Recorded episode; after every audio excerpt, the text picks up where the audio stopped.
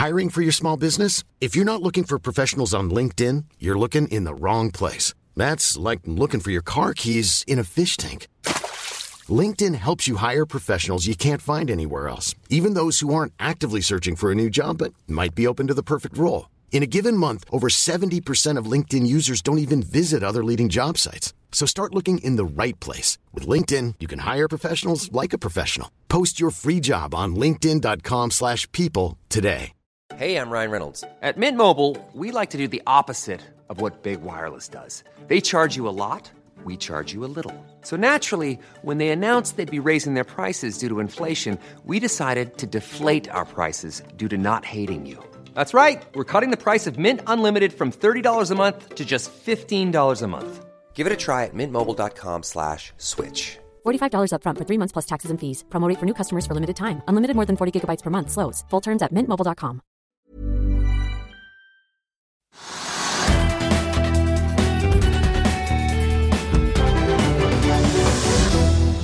Riktig god eh, tirsdag og velkommen til Økonominyhetene her fra NHOs årskonferanse på eh, Spektrum i Oslo. Mitt navn er eh, Mari Lorentzen. Veldig hyggelig at dere er med oss. En dag der altså seismikkduoen TGS og PGS tanker etter sin oppdatering for fjerde kvartal, mens Gid Interiør stiger solid på sin. Audun Lysbakken gir seg i politikken, sier han. Vi har også fått et kraftig resultatvarsel fra Samsung idet Apple altså gjør seg klare til sin Vision Pro-lansering nå helt i starten av februar. Tidligere i dag så har vi hørt fra Aker-sjef Øyvind Eriksen om både fornybaråret 2024, som han tror blir fortsatt veldig krevende, og også restruktureringen i Solstad, der han sier Aker er åpne for justeringer, men at eh, det ikke er sånn at ikke alle aksjonærene får være med i eh, det nye selskapet. Og så har vi hørt fra Petter Stordalen, som gjør seg klar til å lansere da, det nye bonusprogrammet sammen med Norwegian og en ny valuta i dette systemet da før uh, sommeren. Så får vi se hva navnet blir, om det blir Redberry eller eller hva det skal hete. I denne sendingen skal vi prate med statsminister Jonas Jonas Gahr Støre om både prisveksten og også dramatikken for skipsfarten i Rødehavet. Vi skal også få en diskusjon om eh, norsk økonomi i 2024 mellom sjeføkonomene i LO og NHO. Og vi må jo høre hva de to tenker om eh, både boligpriser, renter, kronekurs og ikke minst også det viktige lønnsoppgjøret som er bare noen få måneder eh, unna. Vi så hovedveksten tikke litt opp fra start i dag. Vi ligger opp nå trent av 0,6% til 1311 poeng etter fallet vi så i går. Oljeaksjene som Equinor og Aker BP og Vår Energi henter seg litt inn igjen. Ligger opp drøye prosenten eh, omtrent, etter at de alle tre falt rundt 4 i går på det kraftige oljeprisfallet. Nordsjøoljen ligger nå igjen opp til 77-75 omtrent, opp et par eh, prosent. Vi så jo et kraftig fall da i går, som jeg var inne på, ned fra 78 og flere dollar eh, nedover. Bjarne Schjelderup, råvareanalysesjef i SEB, mener at de priskuttene som Saudi-Arabia nå har kommet med i markedet er betydningsfulle, fordi de altså ligger under det tiårige snittet i markedet som han eh, peker eh, på. Vi så jo eh, Wall Street gikk oppover i går, men vi får se hvordan det starter, eller for å si ender i dag. Starten ser ut til å bli litt rød, med negative futures både på SMP og Nasdaq. Vi har jo sett en god del motstand, særlig på da teknologiaksjene så langt i år. Men det alle utvilsomt vil følge med på når markedet åpner om en snau times tid, er jo da selvfølgelig Boeing og dette Spirit Aerosystems-selskapet. Boeing falt jo 8 i går, med da underleverandøren Spirit i Kansas ned litt over 11 på nyheten da om at det er funnet flere løse bolter i dette Boeing Max 9-flyet. Denne versjonen som er ett hakk større enn modellen Norwegian bruker i sin flåte, som altså ikke er rammet av eh, at amerikanske myndigheter har satt av den flytypen på bakken. Så er det da disse to seismikkameratene PGS og TG som skal slå seg sammen. Begge to får vi jo si med god margin tanker på Oslo Børs i dag, ned 12-13 begge to. TGS ligger på en solid førsteplass også på omsetningslisten over eh, Equinor. Begge melder om inntektsvekst eh, i fjor. PGS melder også om et løft i fjerde kvartal, mens TGS peker på at eh, de er skuffet over utviklingen på tampen av året, særlig innenfor det som heter late sales. Og konsernsjef Christian Johansen peker på at det er både forsinkede lisensrunder og også mye konsolidering og oppkjøp på gang hos kundene, som gjør at en del av fokuset er rettet vekk fra innkjøp av seismikkdata. Kid interiør derimot går som en kule, har steget rundt 7 i dag. Har vaket i hvert fall rundt det nivået opp til nesten 130 kroner. Ligger på 127,40 nå. De melder altså om en like for like-vekst i omsetningen, som man da får når man justerer for antallet butikker som eventuelt åpnes eller stenges, på 9,3 da i fjerde kvartal. 5,5 for hele 2023. Så det ser jo da ut til å gå relativt bra for Kid, sammenlignet med mange andre i varehandelen som sliter tungt om dagen. Så har vi Norse Atlantic da. Den aksjen er opp eh, rundt 2,5% De kommer med en passasjertall, men kanskje mer interessant er at eh, de melder om at de fortsatt holder på med denne strategiske gjennomgangen. Det har jo vært et par frie som har banket på døren eh, der, men det kommer ikke noe oppdatert tidslinje for når vi kan forvente en avklaring. Ellers så faller Nordic Semiconductor ned på børsen etter at Arctic Securities Kristians Betalen har vært ute og gått til en salgsanbefaling. Eh, gassfraktrederiet BVLPG stiger rundt 4% Der kommer det altså en melding om at den kommersielle direktøren Nils Rigaud går av, og at konsernsjef Christian Sørensen tar over porteføljen eh, der. Vi skal få med oss eh, statsminister Jonas Gahr Støre er tilbake rett etter dette. Vil du bli oppdatert på det viktigste som har skjedd innen finans og næringsliv? Da er det bare å følge med, for hver morgen er jeg, Marius Lorentzen og aksjekommentator Karl Johan Malnes på plass i studio for å ta tempen på dagens marked i Børsmorgen. Og hver ettermiddag oppsummerer vi alt du trenger å vite i økonominyhetene, og det blir selvfølgelig masse interessante gjester. Klikk deg inn på fa.no-tv, eller søk opp Børsmorgen og Økonominyhetene der du hører på podkast.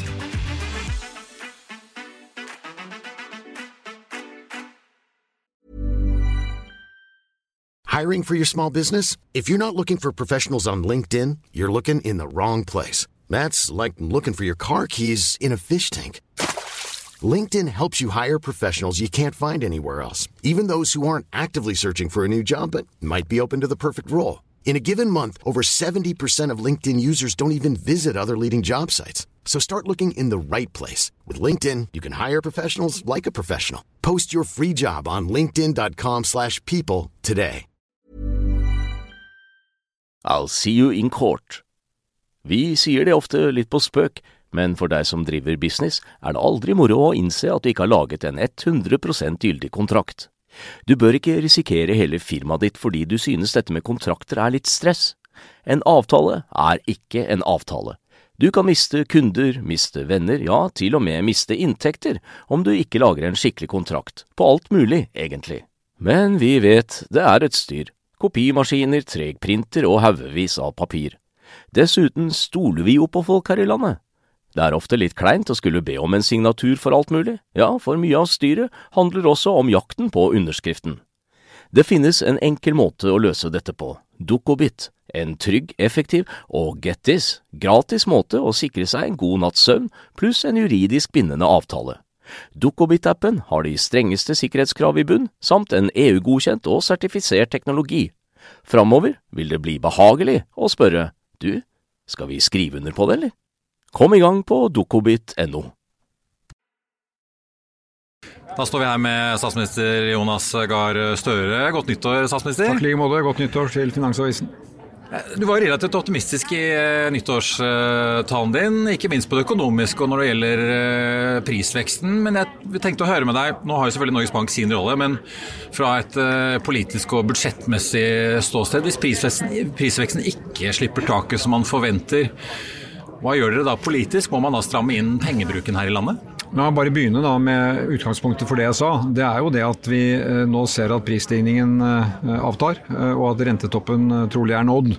Og Det er jo Statistisk sentralbyrå og Norges Bank som sier at med det utgangspunktet mener de det ligger til rette for reallønnspluss. Kanskje ikke stor, men pluss i 2024. og Det er jo etter at vi har hatt minus i flere år. Så Det er mitt utgangspunkt, at jeg tror vi kan ha nådd et vendepunkt. Vi ser jo også på priser og renter rundt oss, den utviklingen. Og så For å følge opp deg, så er det jo klart at Norge med åpen økonomi med krig, ikke bare i Ukraina, men også Midtøsten, så er vi utsatt for eh, endringer som skjer. Jeg syns dette med inflasjon er utrolig interessant som fenomen. I starten av prisene begynte å gå i 2022, så var jo mange økonomer sa at dette er egentlig ikke inflasjon, det er en boble. Og så etter hvert så sa de at nei, det er, det er inflasjonen tilbake. Og nå er jo den amerikanske diskusjonen går på at vel, men den lot seg bekjempe Lot seg kue, på en måte. Ja, mye raskere enn man kanskje hadde trodd.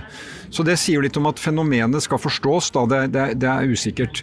Vel, altså det er eh, Norges Banks hovedoppgave eh, å eh, tilpasse aktiviteten i økonomien, men det er en trekant her som må spille sammen. Det er budsjettpolitikken til regjeringen, det er Norges Banks jobb, og det er partene i lønnsoppgjøret med frontfaget. De må virke sammen. og vi har jo gjort mange ting i vår budsjettpolitikk for å føre en ansvarlig økonomisk politikk. Eh, ikke bruke mer oljepenger enn vi mener er riktig for nivået på aktiviteten i norsk økonomi. Det gir oss alltid muligheten til å kunne trappe opp igjen hvis det er behov for å øke aktiviteten i økonomien. Eh, eh, så det er jo å fortsette å føre en ansvarlig, tilpasset budsjettpolitikk til både behovene vi har og temperaturen i norsk økonomi. Men Har dere en eh, slags innstrammingsplan i bakhånd hvis dere ser at prisveksten ikke gir seg? Lønnsveksten mellom partene kanskje blir litt høyere enn det man hadde håpet på? Det vil ikke jeg forskuttere på nå, men vi følger dette selvfølgelig veldig nøye. Og så er vi opptatt av å si at partene i lønnsoppgjørene de har ansvaret sitt. Vi håper jo de tar det ansvaret. Det er viktig at dette skjer på en måte som også fordeler det vi har i verdiskapning i Norge Norge på en rettferdig måte, og at også arbeidstakerne får sitt. Eh, jeg er urolig hvis det blir en utvikling hvor folks ansattes andel av den kaka vi produserer sammen, går ned. Så er det dårlig for liksom balansen i norsk økonomi. Men det er det partene som skal forhandle om. De er veldig godt informert, de er godt forberedt, og jeg har stor tillit til at de tar det ansvaret. Men du som sistemann i det triangelet du skisserte, så sitter du der da i oktober eh, til høsten og skal legge frem et budsjett da etter at vi både har fått ny statistikk og også da et uh, lønnsoppgjør. Så du har vel noen ulike scenarioer eh, skissert ja, opp sammen Men du vet at nå sier du oktober, det er nå budsjettet kommer. Vi, vi, har jo begynt med det budsjettet. Vi begynte på slutten av fjoråret. Eh, vi har dette statsbudsjettsamlingen i mars. Og så har vi erfart de siste årene at mellom mars og når vi gjør ferdig budsjettet i slutten av august, kan det skje ganske mye. Og fra august til oktober kan det skje mye. Så vi forsøker å tilpasse de, den informasjonen vi har til at vi kommer så tett på som mulig når vi skal legge fram det statsbudsjettet. Men jeg vil ikke spå om det nå. Jeg tror som sagt at vi har et ganske godt utgangspunkt i vår, i vår økonomi nå. Det er noen bransjer som sliter, sånn vil det jo alltid være. Nå bygg og anlegg har utfordringer. Eh, men samlet sett så har vi jo skapt mange nye bedrifter, mange nye arbeidsplasser ute i næringslivet. Det er næringslivet som har klart dette i samspillet med myndighetene. Eh, gode eksporttall, eh, høye investeringer fra Fastlands-Norge. Så det mener jeg legger et godt utgangspunkt for 2024. Norge er jo både en skipsfartsnasjon og for så vidt også vil ikke å kalles en fredsnasjon. Vi har jo lenge vært engasjert i Israel-Palestina-konflikten, men nå ser vi jo at den krigen som pågår har smittet over i Rødehavet, hvor vi ser Houthi-militsen angriper skip. Mange rederier, inkludert danske Mersk, seiler eh, rundt og bruker jo gjerne én til tre uker. Eh, og folk begynner å snakke om at det gjør økte kostnader inn i verdenshandelen. Eh, jeg så en uttalelse fra Det hvite hus for ikke lenge siden hvor både Danmark, Storbritannia og andre europeiske land hadde undertegnet med en advarsel til Houthi-militsen. Norge hadde ikke undertegnet den. Er det noen spesiell grunn til, til det? Har vi inntatt en annen rolle enn sjøfartsnasjonen Danmark? Nei, øh, nå har vi altså st øh, stilt ti stabsoffiserer til en militær kapasitet der nede for å overvåke situasjonen. Så vi er jo veldig opptatt av det. Vi har veldig nær kontakt med rederinæringen i Norge, Norsk Skipsfart, som jo seiler gjennom Rødehavet. Uh, vi advarer mot en militær opptrapping av en krig rundt Rødehavet. Eh, vi har kontakter inn mot de miljøene som er i Jemen, Houthi-militsen og andre, hvor vi er veldig tungt på nå med å forklare hvilken sammenheng hva dette kan føre til. Eh, så vi skal støtte opp om alle tiltak for å sikre skipsfarten i Rødehavet. Du har helt rett, hvis det er slik at Rødehavet nå blir en kampsone hvor fartøy seiler rundt, så er det dyrere og lengre og det betyr problemer for verdikjedene. Men her er det ikke bare for eh, en USA, vestlig ledet aksjon å gå inn og drive militært i Jemen. Jeg mener vi må også aktivere Kina, India, Brasil, andre land i økonomien som er veldig avhengig av at verdensøkonomien går, går godt. At de er med å legge press på alle de partene som er. Mange av dem er ikke-statlige, men det er også en del stater som støtter opp her. Iran bl.a. Eh, for å få dempet dette konfliktnivået. Men er det aktuelt å stille norske marinefartøy? Nå ser vi jo amerikanerne allerede er nede og, Nei, er ikke, og kommer med mottiltak. Vi har, vi har ikke planer om det nå. Og hva må til for at det kommer dit, eventuelt? Nei, altså Vi har begrenset tro på at en, eh, en militær kampkonflikt rundt, eh, rundt Jemen, det bildet som er nå, vil løse denne situasjonen. Eh, så er, Utgangspunktet er jo krigen mellom Hamas og Israel, som vi må gjøre alt vi kan for å bidra til at det kan slutte. Den er nå utgangspunkt for veldig mange lokale konflikter rundt. Og så må vi få spenningen ned rundt Rødehavet. Statsminister Jonas Gahr Støre, takk skal du ha. Godt nyttår. Takk skal du ha.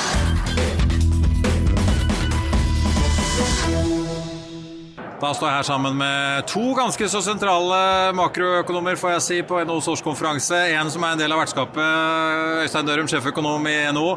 Og eh, på, ja, naturlig på gjestelisten hvert år, sjeføkonom i LO, Roger Mørstad. Dere, jeg får begynne med deg. Øystein, skal vi snakke litt om 2024 og hvordan dette kan bli? Ole Erik Amli, som jeg fikk så veldig siden, sa at eh, responsen dere får fra medlemmene er litt sånn halvpessimistisk for det nye året, i hvert fall første halvår. Vi sklir inn i det nye året med en ikke utelukkende pessimistisk medlemsmasse, men med en medlemsmasse dominert av pessimister. Altså et flertall av våre medlemsbedrifter venter eh, dårligere prisutvikling, de venter svakere driftsresultater, de venter nedgang i investeringene, de venter nedgang i sysselsettingen. Og noe av det legger vi også til grunn i anslagene våre, hvor vi bl.a. har stort fall i bedriftsinvesteringene inneværende år. Roger, sett fra LOs uh, ståsted, ledigheten er jo, i hvert fall hvis du ser på SSB-tall Akun, 3,7 det er jo relativt lavt. Er du bekymret for at ledigheten tikker oppover hvis bedriftene begynner å stramme inn på investeringer? og ja, Vi har vært bekymra for økende ledighet lenge, og ledigheten har jo økt uh, et halvt prosentpoeng. Det er ikke uh, veldig mye. Men, uh, men vi har jo ønsket å holde lav ledighet fordi vi trenger å inkludere flere i arbeidslivet, og vi trenger å holde etterspørselen i norsk økonomi oppe. Og nå eh, opplever vi at etterspørselen har falt, og vi tror den vil falle ganske betydelig gjennom 2024 eh, også. I hvert fall sett SSB si at den bråstoppen i byggenæringen regner de med vil drive frem rentekutt eh, utover i året. Ja, så Norges Bank vil jo måtte ta inn over seg at dette utvikler seg verre enn de tror. som jeg også tror, og som SSB tror.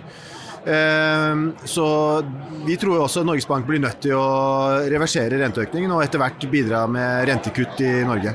Er det en sånn redning fra Ida Wolden Bakke vi alle må gå og håpe på nå, sånn at ikke bremsen blir for stor og forbrukerne strammer inn for mye? Jeg tror ikke vi skal lene 2024 på at Norges Bank leverer så mange rentekutt at ting snur kraftig til det bedre. Ja, vi venter et rentekutt mot slutten av året. Ja, det kan tenkes at det at vi når rentetoppen i seg selv vil virke stabiliserende. Men vi tror ikke på noen sånn stor drahjelp fra renta i dette året her. Og vi tror bl.a. at boligbyggingen vil fortsette å falle gjennom 2024. Det er jo mange innen næringseiendom og sikkert innen grønn industri som det snakkes mye om her, som hadde håpet på litt lavere finansieringskostnader utover året? Ja, men, og det vil de trolig få.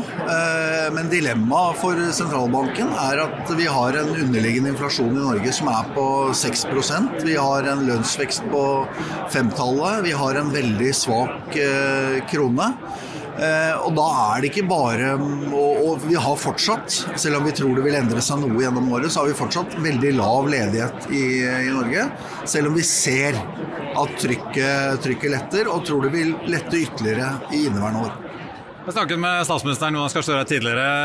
Han går selvfølgelig og følger med på både prisveksten og også lønnsoppgjøret. Hvor skal dere legge dere da med en kjerneinflasjon? Nå får vi jo nye tall i morgen tidlig fra SSB, vel, men fortsatt på 5,8% hvis man da trekker ut energi- og avgiftsendringer. Ja, nå... vil, liksom, vil dere kreve i hvert fall det i lønnsoppgjøret, eller?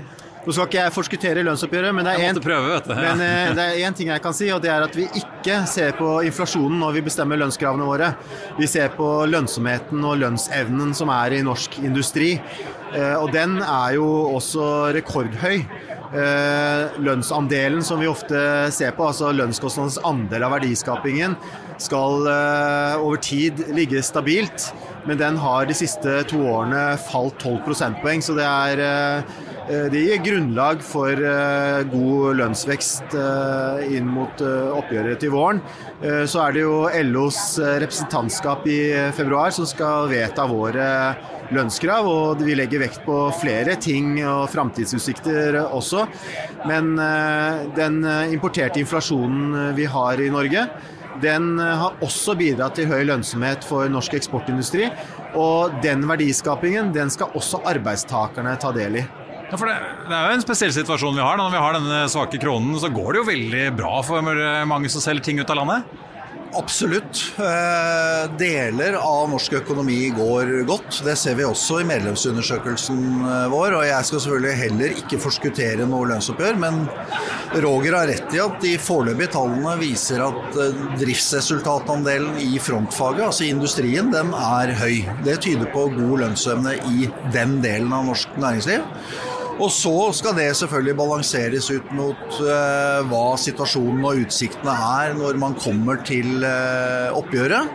Og det skal også balanseres ut mot at det er mange andre næringer som står i en annen uh, situasjon. Jeg skulle til å si Oljenæringen gjør det bra eksportrettet med svak krone, de får jo i hvert fall et kroneløft, da, men det er kanskje noen andre som ikke er med på den festen? Sjømat gjør det bra ifølge våre medlemsundersøkelser. Bank og finans gjør det bra ifølge våre medlemsundersøkelser. Sånn grovt sagt så er det det som er hjemmerettet, og særlig forbrukerrettet, som gjør det dårlig. Altså bygg og anlegg, bilforhandlere, delvis varehandel, deler av servicenæringen, deler av reiseliv sliter.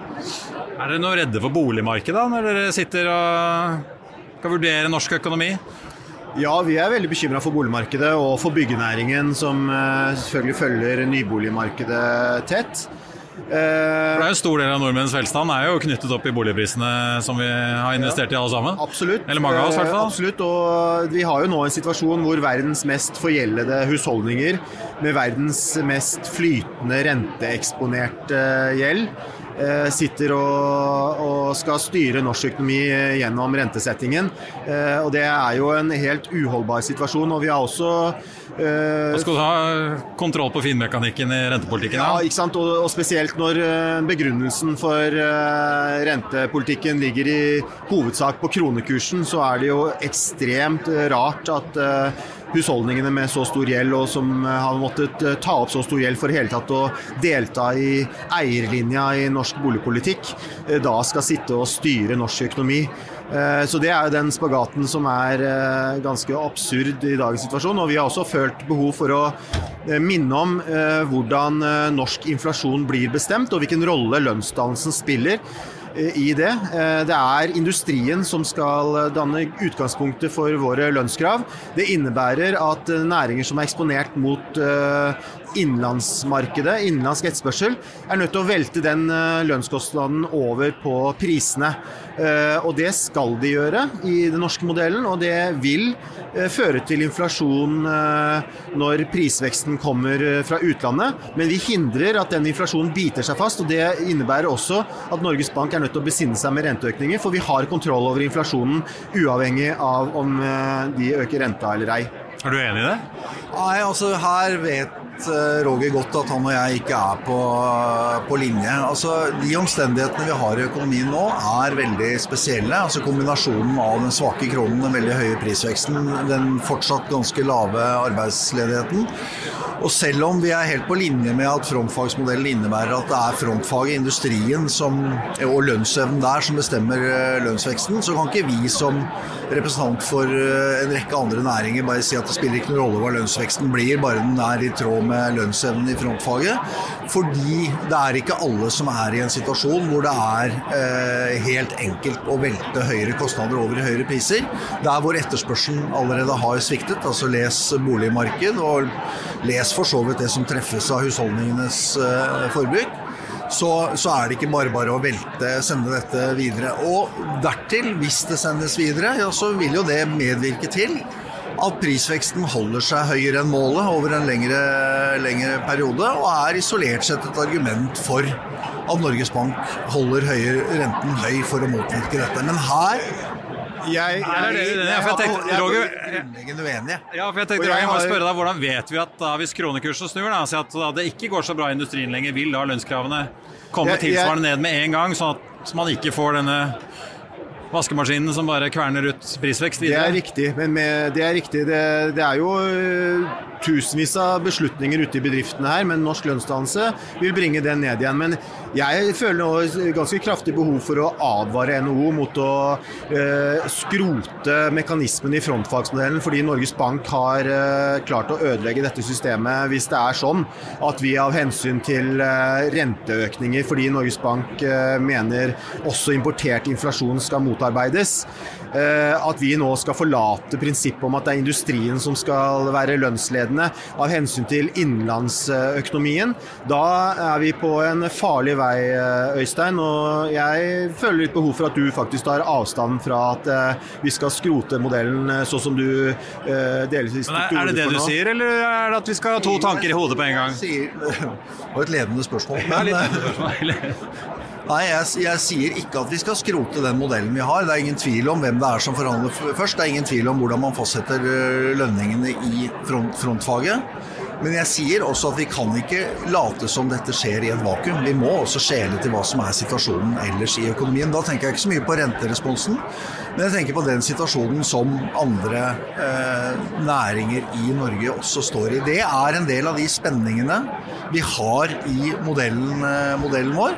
Eh, på godt så bidrar modellen til at vi løfter eh, produktiviteten også i andre næringer. Det er litt sånn vinn eller forsvinn. Vi må følge lønnsveksten. Man må skjerpe seg, ja. Man må skjerpe seg, følge lønnsveksten i frontfaget. Ellers så er man ikke konkurransedyktig over tid. Men det er jo ikke sånn at eh, det langsiktige skal styre det kortsiktige til enhver eh, tid. Vi må også se på hvordan situasjonen er i økonomien. Men, men her kan man ikke cherrypicke modeller. Eh, og den eh, situasjonen som er for andre næringer, den er lagd av Norges Bank. Det er Norges Banks renteøkninger som har dempet etterspørselen innenlands og rammet boligmarkedet. Og det skal ikke vi ta hensyn til i industrioppgjøret, for da er vi eh, rett og slett på Hadde ikke vi husholdningene strammet inn Jo, selvfølgelig boliglånet blir dyrere, men det blir jo dyrere å være turist i utlandet og kjøpe varer inn fra utlandet. Alt blir jo dyrere. Prisveksten strammer inn. Er det så rart at husholdningene strammer litt inn på hva vi kjøper av sykler og flatskjermer? Prisveksten strammer inn nok i seg selv. Det er ikke nødvendig med en innstramming i den økonomiske politikken i tillegg. Det, og, og, det at eh, den politikkdrevne nedturen innenlands skal tale for at vi ikke skal ta del av verdiskapningen i, verdiskapningen i frontfaget, det tar jeg sterk avstand fra. Og det kommer vi til å si klart ifra om inn mot lønnsoppgjøret til våren. Eh, mine herrer, det blir veldig spennende. Ja, da vil det kort. Nei, nå høres det ut som vi er i gang med forhandlinger, og det skal vi ikke være. Nei, det skal det ikke være. Jeg tenkte bare jeg skulle si at det blir et veldig spennende lønnsoppgjør for oss som skal følge med på dette på utsiden. Ja. Og så får jeg også si dere får invitere den nye sjefen i Norsk Industri, da, Harald Solberg, inn til en sånn felles eh, faglig lunsj med, hvor dere tre kan sitte og diskutere dette her og få han inn i folden på frontfaget. Takk skal dere ha. På tampen av sendingen tenkte jeg bare å eh, ta med deg at det ser ut til at vi får en eh, hyggelig avslutning på Oslo Børs i eh, dag, med et bra driv i oljeprisen etter det kraftige fallet vi så i går. En liten rekyl etter at markedet fikk fordøyd nyhetene fra Saudi-Arabia.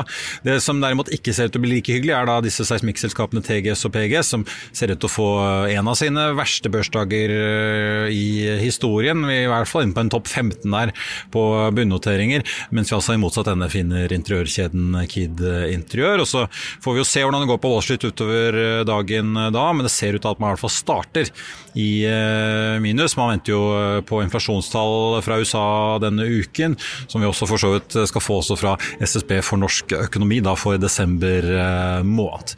I Finansavisen i morgen så kan du lese Trygve Egnars leder om NRKs AI-analyse av nedbygging av norsk natur. Det er vel nok natur nå, spør Hegnar. Det blir mer om TGS og PGS, selvfølgelig. Det blir også mer stoff her fra årskonferansen til NHO. Det blir intervjuer med bl.a. oljefondsjef Nicolai Tangen, IKM-sjef Ståle Kjellingstad, Roger Hofseth, og du kan også lese DNB-sjef Kjerstin Bråtens gladmelding for det nye året. Det var sendingen vår fra NHOs årskonferanse her i Oslo Spektrum. Det er mer stoff på vei utover i uken fra folk vi har snakket med her, så det får du både på f1.no-tv og i podkastsiden, enten du hører da på Spotify eller via Apple Podkast. Mitt navn er Marius Lorentzen, tusen takk for følget her i dag, og så håper jeg vi ses igjen i morgen.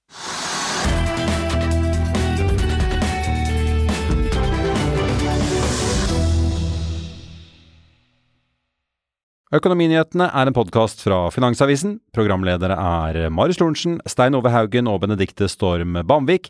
Produsenter er Lars Brenden Skram og Bashar Johar. Og ansvarlig redaktør er Trygve Hegnar.